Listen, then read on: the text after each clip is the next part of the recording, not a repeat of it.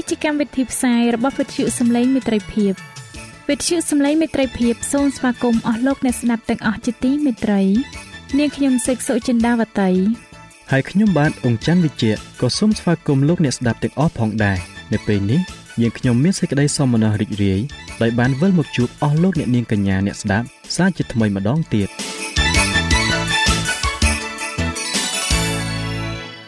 នាងខ្ញុំសេកសុចិន្តាវតី សូមជម្រាបជូនកម្មវិធីផ្សាយដែលមានជាបន្តបន្ទាប់ដូចតទៅនេតិជួបជាមួយព្រះបន្ទូលនេតិស្ពានជីវិត ចា៎លោកអ្នកស្ដាប់ជាទីមេត្រី នាងខ្ញុំសូមគោរពអញ្ជើញអស់លោកលោកស្រី អ្នកនាងកញ្ញាតាមដានស្ដាប់កម្មវិធីផ្សាយរបស់វិទ្យុយើងខ្ញុំដូចតទៅ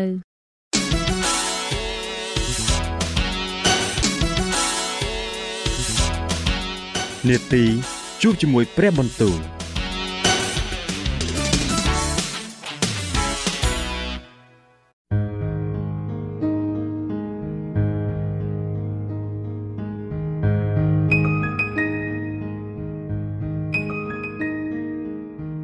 ចា៎អស់លោកអ្នកស្ដាប់ជាទីមេត្រី ជាដំបូងនាងខ្ញុំសូមអញ្ជើញលោកអ្នកនាងស្ដាប់នេតិជួបជាមួយព្រះបន្ទូលនេតិនេះនឹងលើកយកព្រះបន្ទូល ពីព្រះគម្ពីរទំនុកដង្កើងដែលនឹងជម្រាបជូនដល់លោកអង្គច័ន្ទវិជ្ជៈដូចតទៅ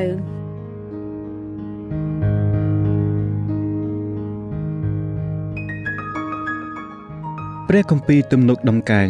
ចំពុកទី108អោព្រះអង្គអើយចិត្តទូបង្គំបានតាំងនៅមមហើយចិត្តទូបង្គំនឹងច្រៀងអើនឹងច្រៀងសរសើរ ដោយសារកិត្តិយសរបស់ទូលបង្គំដែរអោពិនហើយនឹងសងអើយចូលភ្ញាក់ឡើងឯទូលបង្គំនឹងភ្ញាក់ពីព្រលឹមដែរអោព្រះយេហូវ៉ាអើយទូលបង្គំអរព្រះគុណដល់ទ្រង់នៅកណ្ដាលជនទាំងឡាយទូលបង្គំនឹងច្រៀងសរសើរទ្រង់នៅកណ្ដាលសាសដតីទាំងប៉ុន្មានត្បិតសេចក្តីសប្បុរសរបស់ទ្រង់ធំខ្ពស់ជាងផ្ទៃមេឃហើយសេចក្តីពិតរបស់ទ្រង់ក៏ខ្ពស់ដល់ពពកដែរ អោព្រះអង្គអើយសូមឲ្យទ្រង់បានថ្កើងឡើង ខ្ពស់ជាងផ្ទៃមេឃហើយឲ្យសេរីល្អនៃទ្រង់ផ្សាយទៅពេញលើផែនដី ដើម្បីឲ្យអស់អ្នកស្ងួនភ្ងារបស់ទ្រង់បានប្រោះឲ្យរួចសូមជួយសង្គ្រោះដោយព្រះហស្តស្ដាំនៃទ្រង់ហើយឆ្លើយមកយើងខ្ញុំផង ព្រះទ្រង់មានបន្ទូល ដោយសេចក្តីបរិសុទ្ធរបស់ទ្រង់ថា យើងនឹងត្រេកអរឡើងក៏នឹងបែងចែកស្រុកស៊ីកេម ហើយនឹងវាស់ច្រកភ្នំស៊ីកូតឯស្រុកកាឡាត ជាស្រុករបស់ផងយើង ហើយខេត្តម៉ាណាសេផងខេត្តអេប្រាអែមជាទីមមមួនការពារក្បាលយើង ហើយស្រុកយូដា ជាអ្នកតែងច្បាប់របស់យើង ស្រុកម៉ូអាប់ជាអាងសម្រាប់ឲ្យយើងងូតទឹក ហើយយើងបោះស្បែកជើងទៅលើស្រុកអេដុំយើងនឹងស្រែកឡើងពីលើស្រុកភីលីស្ទីនតើអ្នកណានឹងនាំទូលបង្គំ ចូលទៅក្នុងទីក្រុងមមមួនបានតើអ្នកណានឹងនាំទូលបង្គំ ទៅឯស្រុកអេដុំអោព្រះអង្គអើយតើមិនមែនទ្រង់ទេឬអីជាព្រះដែលបានចោលយើងខ្ញុំហើយផងអោព្រះអង្គអើយទ្រង់ក៏មិនយាងចេញទៅជាមួយនឹងពលទ័ពរបស់យើងខ្ញុំទៀតដែរសូមទ្រង់ប្រោះមេត្តា ជួយយើងខ្ញុំទាស់នឹងពួកសត្រូវត្បិតសេចក្តីជំនួយរបស់មនុស្សនោះឥតប្រយោជន៍ទេ ដោយពឹងដល់ទ្រង់ នោះយើងខ្ញុំនឹងតស៊ូយ៉ាងរឹងប៉ឹងវិញត្បិតគឺទ្រង់ហើយដែលនឹងជន់ឈ្លីពួកសត្រូវរបស់យើងខ្ញុំបង។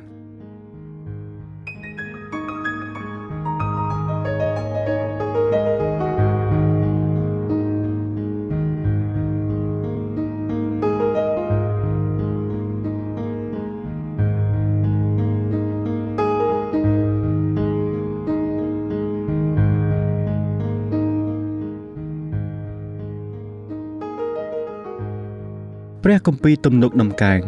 ជំពូកទី109អោព្រះនៃសេចក្តីសរសើររបស់ទូលបង្គំអើយសូមទ្រង់គង់គង់ស្ងៀមស្ងាត់ឡើយត្បិតមាត់របស់មនុស្សអាក្រក់និងមាត់មាយា បានហើរឡើងទាស់នឹងទូលបង្គំហើយគេបាននិយាយនឹងទូលបង្គំដោយអណ្ដាតកំភូតគេបានឡោមព័ទ្ធទូលបង្គំជុំវិញដោយពាក្យសំអប់ក៏តយុទ្ធនឹងទូលបង្គំដោយឥតហេតុ គេជាសត្រូវស្នងនឹងសេចក្តីស្រឡាញ់របស់ទូលបង្គំប៉ុន្តែទូបង្គំផ្ចង់ចិត្តនឹងអតិស្ថានវិញ គេបានសងការអាក្រក់ដល់ទូបង្គំ ស្នងនឹងការល្អហើយស្នងសេចក្តីសំអប់ចំពោះសេចក្តីស្រឡាញ់របស់ទូលបង្គំសូមទ្រង់តាំងអ្នកអាក្រក់ឲ្យគ្រប់គ្រងលើវា ហើយឲ្យសារតាំងឈរនៅខាងស្ដាំវា កាលណាវាត្រូវជំនុំជម្រះនោះសូមឲ្យវាមានទោសហើយឲ្យសេចក្តីអធិស្ឋានរបស់វា ត្រឡប់ជាអំពើបាបវិញសូមឲ្យថ្ងៃអាយុរបស់វាបានខ្លីចុះហើយឲ្យមានម្នាក់ទៀតទទួលយកការងាររបស់វាសូមឲ្យកូនចៅវា នៅជាកំព្រាឪពុក ហើយឲ្យប្រពន្ធវា នៅជាមេម៉ាយសូមឲ្យកូនចៅវាធ្វើជាមនុស្សអាវ៉ាសែទាំងដើរសំទៀនឲ្យគេរកស៊ីតាមទីច្រកលហករបស់គេសូមឲ្យម្ចាស់បំណុលរឹបយករបស់វាទាំងអស់ទៅ ហើយឲ្យមនុស្សដទៃដណ្ដើមយកផលនៃការរបស់វាសូមកុំឲ្យមានអ្នកណាអាណិតមេត្តាដល់វាឡើយក៏កុំឲ្យមានអ្នកណាអាសូរដល់កូនកំព្រារបស់វាដែរសូមឲ្យពូជវាត្រូវផុតចេញលុះដល់ដំណរជាន់ក្រោយសូមឲ្យឈ្មោះវាត្រូវសូន្យបាត់ទៅសូមឲ្យព្រះយេហូវ៉ានឹកចាំពីសេចក្តីទុច្ចរិតរបស់ពួកអាយកោវា ហើយកុំឲ្យបាបរបស់ម្ដាយវាត្រូវលុបចេញឡើយសូមឲ្យសេចក្តីទាំងនោះ នៅចំពោះព្រះយេហូវ៉ាជានិច្ចដើម្បីឲ្យទ្រង់បានផ្ដាច់សេចក្តីនឹកចាំពីគេចេញពីផែនដីទៅ ពីព្រោះវាមិនបាននឹកចាំនឹងសម្ដែងសេចក្តីមេត្តាទេ គឺបានសង្កត់សង្កិនមនុស្សក្រលំបាកនិងមនុស្សកំសត់ទុរគតព្រមទាំងមនុស្សដែលមានចិត្តសង្រេងវិញ ដើម្បីនឹងសម្លាប់គេបងអើវាបានចូលចិត្តនឹងការជេរប្រតិចហើយការនោះក៏កើតមកដល់ខ្លួនវា វាមិនចូលចិត្តនឹងការឲ្យពរទេ ហើយការនោះក៏នៅឆ្ងាយពីវាវាបានប្រដាប់ខ្លួន ដោយការជេរប្រតិចដូចជាពាក់អាវហើយការនោះក៏ចូលទៅដល់ខាងក្នុងវា ដូចជាទឹក ហើយបានជ្រាបទៅក្នុងឆ្អឹងវាដូចជាប្រេងសូមឲ្យការនោះបានសម្រាប់វា ដូចជាសម្លៀកបំពាក់ដែលវាតែងស្លៀកពាក់ហើយជាខ្សែក្រវ៉ាត់ដែលវារឹតនៅចង្កេះជានិច្ចដែរនេះហើយជារង្វាន់ដែលព្រះយេហូវ៉ា ទ្រង់ប្រទានដល់ពួកខ្មាំងសត្រូវនៃទូលបង្គំហើយដល់អស់អ្នកដែលនិយាយបង្កាច់ដល់ព្រលឹងនៃទូលបង្គំដែរតែអោព្រះយេហូវ៉ាជាព្រះអង្គម្ចាស់អើយសូមទ្រង់ប្រោះទូលបង្គំដោយយល់ដល់ព្រះនាមទ្រង់សូមប្រោះឲ្យទូលបង្គំបានរួចដោយព្រោះសេចក្តីសប្បុរសដ៏ប្រសើររបស់ទ្រង់បើទូលបង្គំជាអ្នកក្រលំបាកហើយកំសត់ទុរគតហើយចិត្តនៅក្នុងខ្លួនទូបង្គំមានរបួសផង ទូបង្គំទៅបាត់ដូចជាស្រមោលដាច់ជ្រេទៅ ទូបង្គំត្រូវគេដេញចុះឡើង ដូចជាកណ្ដូបក្បាលជង្គង់នៃទូបង្គំញ័រដោយតមអាហារហើយរូបសាច់ទូបង្គំក៏ស្គមស្គាំងទៅ ទូបង្គំបានត្រឡប់ជាទីថ្មេះតេះដៀលដល់គេ កាលណាគេប្រទះឃើញទូលបង្គំនោះគេគ្រវីក្បាលអោព្រះយេហូវ៉ាជាព្រះនៃទូបង្គំអើយសូមជួយទូបង្គំផង អោសូមជួយសង្គ្រោះទូលបង្គំតាមសេចក្តីសប្បុរសនៃទ្រង់ដើម្បីឲ្យគេបានដឹងថាការនេះ គឺជាព្រះហស្ថទ្រង់ធ្វើទេ គឺជាទ្រង់អោព្រះយេហូវ៉ាអើយដែលបានធ្វើការនេះឲ្យគេជេរប្រតិចចោះតែសូមទ្រង់ប្រទានពរវិញ កាលណាគេលើកគ្នាឡើង នោះគេនឹងត្រូវមានសេចក្តីខ្មាស់តែអ្នកបម្រើទ្រង់នឹងអសប្បាយវិញ សូមឲ្យពួកសត្រូវនៃទូបង្គំ បានត្រូវប្រដាប់ខ្លួនដោយសេចក្តីអាប់យួរឲ្យគេក្រលុំខ្លួន ដោយសេចក្តីអាម៉ាស់ខ្មាស់ដូចជាពាក់អាវមាត់ទូបង្គំនឹងអរព្រះគុណដល់ព្រះយេហូវ៉ាយ៉ាងក្រៃលែងអើទូបង្គំនឹងសរសើរដល់ទ្រង់នៅកណ្ដាលជនទាំងឡាយត្បិតទ្រង់ឈរនៅខាងស្ដាំនៃមនុស្សកំសត់ទុរគតដើម្បីនឹងជួយឲ្យរួចពីពួកអ្នកដែលប្រកាន់ទោស ចំពោះព្រលឹងគេ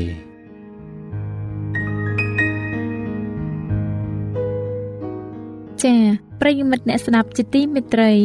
ដោយពេលវេលាមានកំណត់ យើងខ្ញុំសូមផ្អាកនេតិជប់ជាមួយព្រឹបបន្ទូលនេះត្រឹមតែប៉ុណ្ណេះសិនចុះដោយសន្យាថានឹងលើកយកនីតិនេះមកជម្រាបជូនជាបន្តទៀតនៅថ្ងៃច័ន្ទសប្តាហ៍ក្រោយ សូមអរគុណ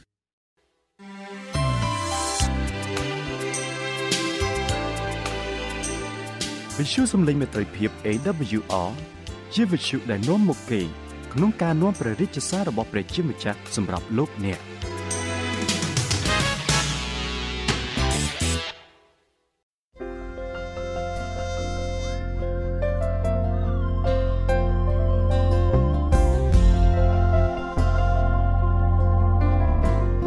ចា៎ជាបន្តទៅទៀតនាងខ្ញុំសូមគោរពអញ្ជើញអស់លោកអ្នកនាង តាមដានស្ដាប់នាទីស្ពានជីវិត ដែលនឹងជម្រាបជូនដល់លោកអង្ចាន់វិជ្ជៈដូចតទៅ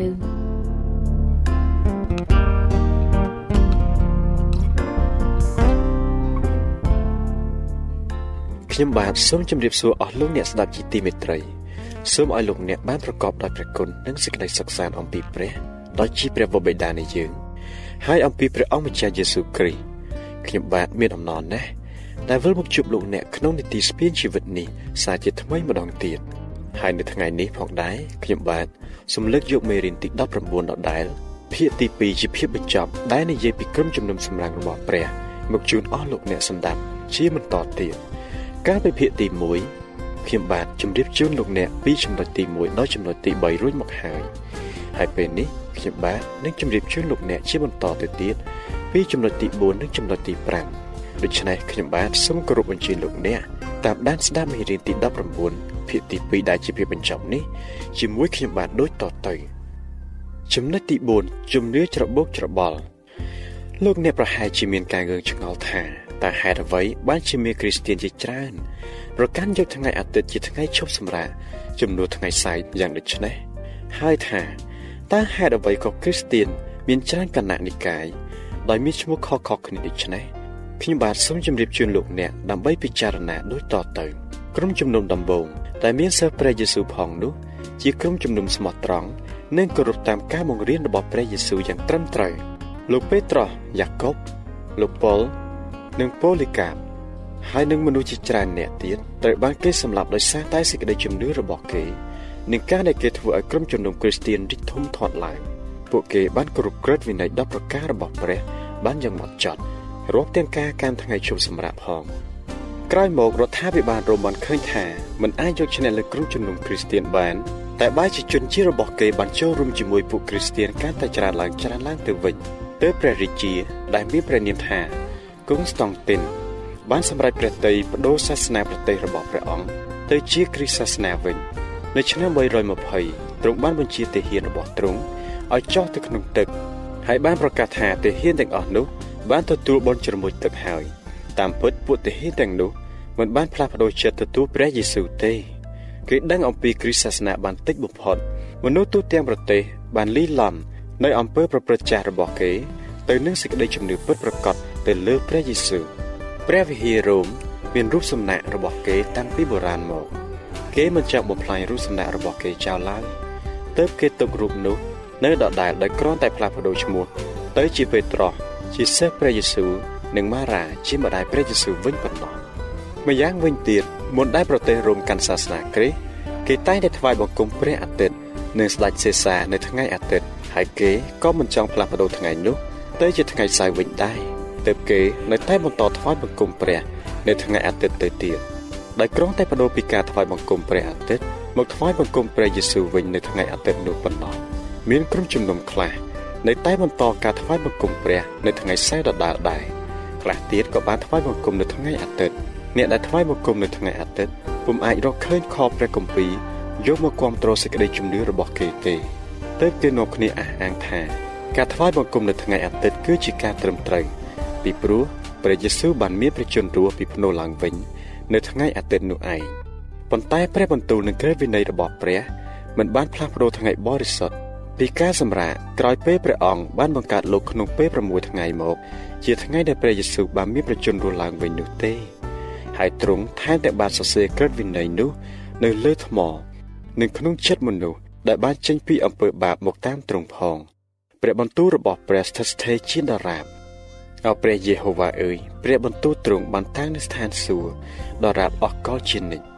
ទំនុកដំកើងចំពុកទី119ខ89 ព្រះគម្ពីរម៉ាថាយចំពុក5ខ17រហូតដល់ខ19បានបញ្ជាក់យ៉ាងច្បាស់ថាកុំឲ្យគិតស្មានថាខ្ញុំមកដើម្បីនឹងលើកក្រឹតវិន័យឬទំនាយពួកហោរាចោលឡើយខ្ញុំ មិនមែនមកនឹងលើកចោលទេ គឺមកនឹងធ្វើឲ្យសម្រេចវិញបិទខ្ញុំ5នាក់រកគ្នាជាប្រកាសថានឹងគ្មានបាំងឈើមួយ ឬក្បៀសមួយនៅក្នុងក្រឹតវិន័យត្រូវបាត់ឡើយដរាបដល់កាលណាមេឃនិងផែនដីបានកន្លងបាត់ទៅ គឺទាល់តែសេចក្តីទាំងអស់បានសម្រេចសពគ្រប់ដូច្នេះអ្នកណាដែលនឹងរំលងបត់ណាមួយសំបីយ៉ាងទុតបំផុតក្នុងបញ្ញត្តិទាំងនេះហើយបង្រៀនមនុស្សឲ្យធ្វើដូច្នោះដែរនោះនឹងត្រូវហៅជាតូចបំផុតក្នុងនគរស្ថានសួគ៌តែអ្នកណាដែលកាន់តាម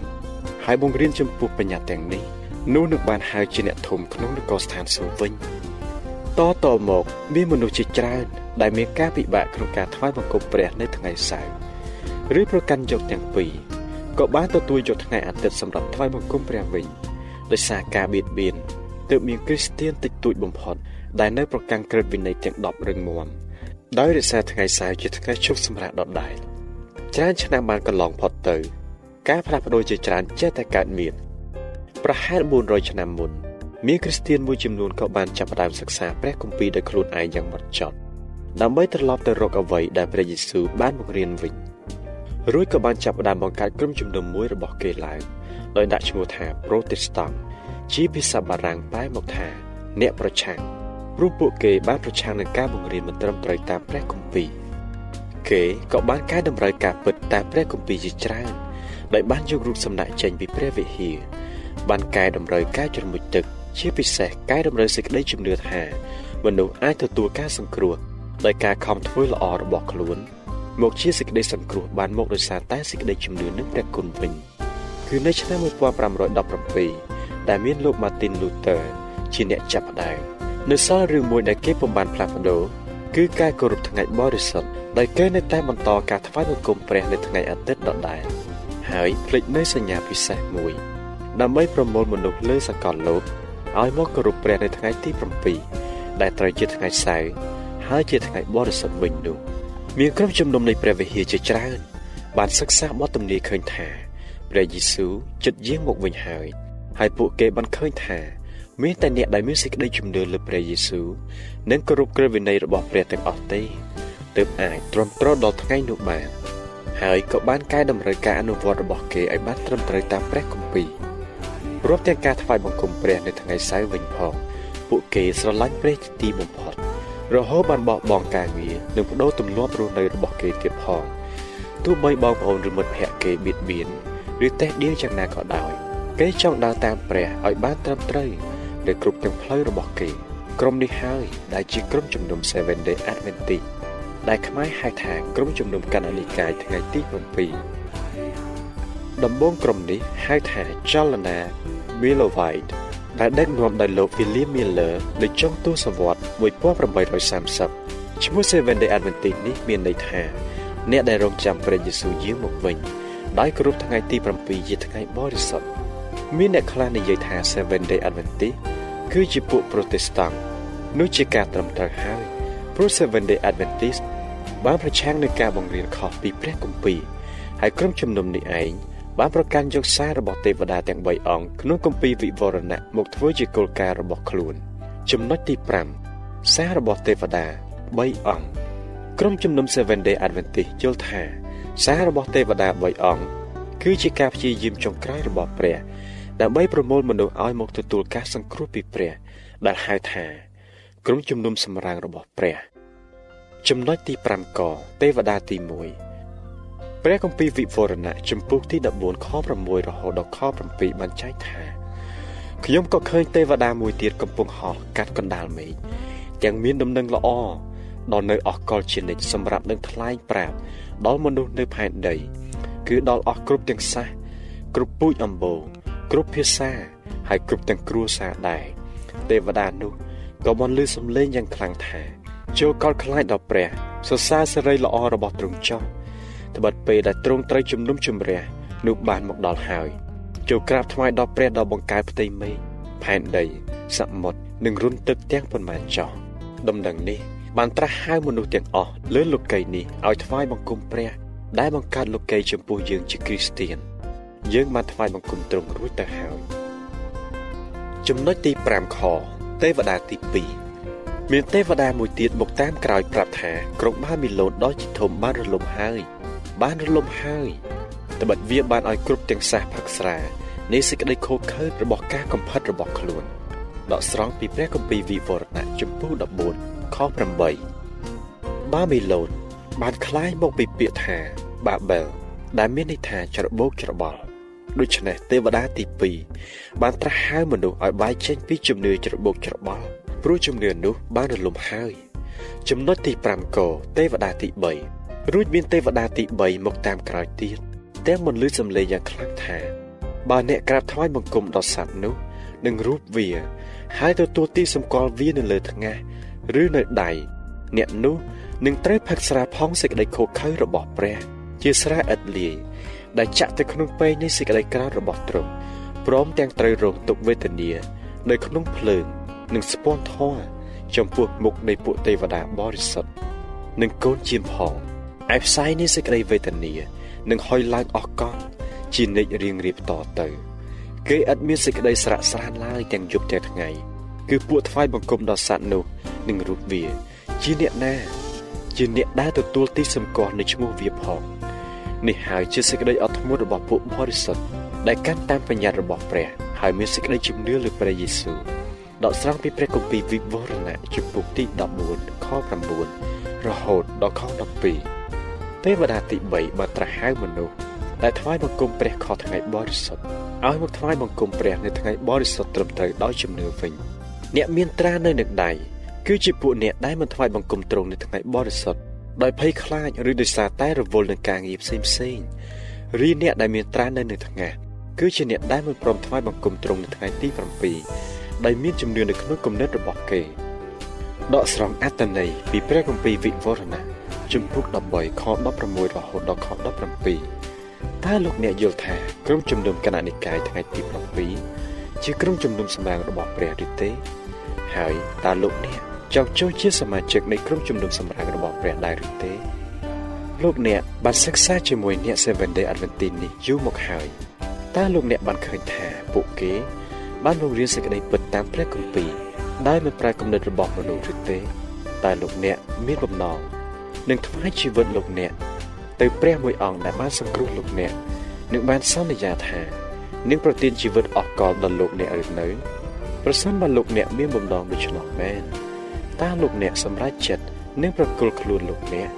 ដែលជាអវយវៈនៃរូបកាយរបស់ព្រះគ្រីស្ទជាមួយនឹងក្រុមជំនុំ Seven Day Adventist នេះដែរឬទេ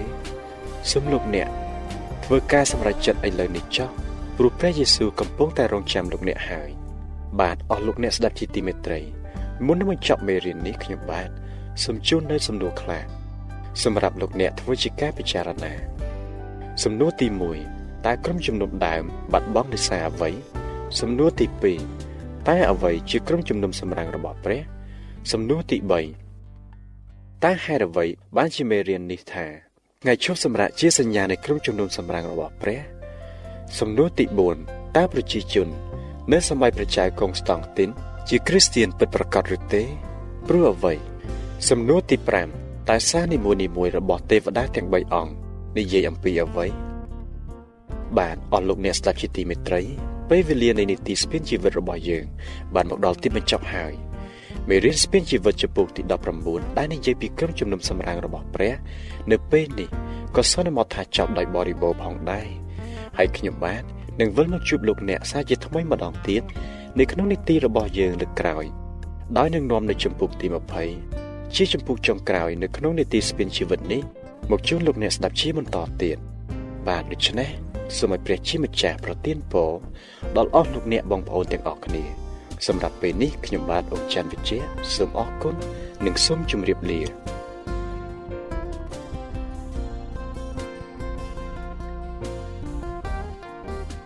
ចា៎អស់លោកអ្នកស្ដាប់ជាទីមេត្រីដោយសារពេលវេលាមានកំណត់យើងខ្ញុំសូមផ្អាកនីតិស្ពិនជីវិតនេះត្រឹមតែប៉ុណ្្នឹងសិនចុះយើងខ្ញុំនឹងលើកយកនីតិនេះមកជម្រាបជូនអស់លោកអ្នកជាបន្តទៅទៀតនៅថ្ងៃពុធសប្តាហ៍ក្រោយ ចាសសូមអរគុណ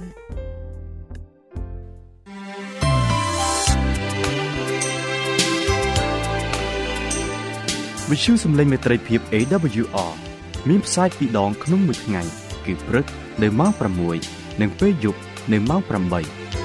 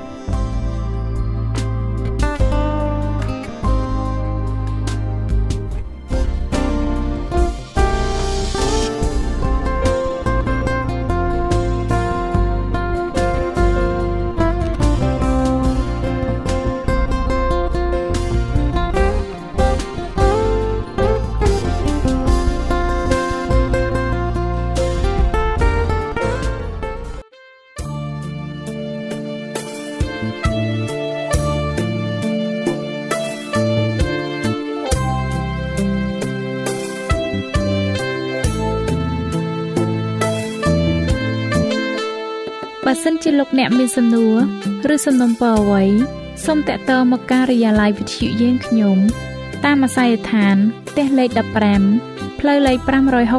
568សង្កាត់បឹងកក់2ខណ្ឌទួលគោករាជធានីភ្នំពេញ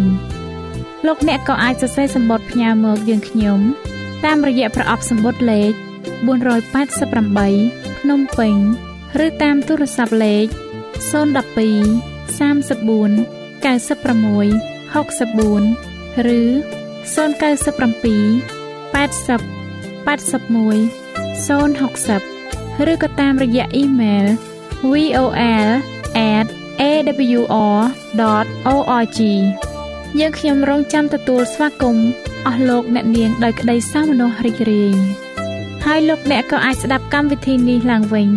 ដោយចូលទៅកាន់ website របស់វិទ្យុយើងខ្ញុំ តាមរយៈអាស័យដ្ឋាន www.awr.org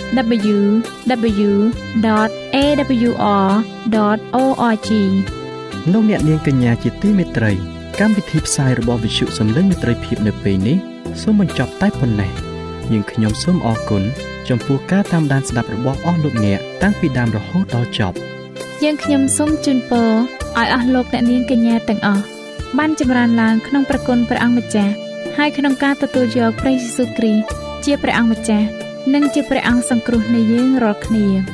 នាទីផ្សាយរបស់វិទ្យុយើងខ្ញុំនឹងវិលមកជួបអស់លោកអ្នកសាជាថ្មីម្ដងទៀតនៅថ្ងៃស្អែកវេលាម៉ោងដដែលនាងខ្ញុំសេកសុចិន្តាវតីនិងខ្ញុំបាទអ៊ំច័ន្ទវិជ្ជៈសូមអរគុណសូមជម្រាបលា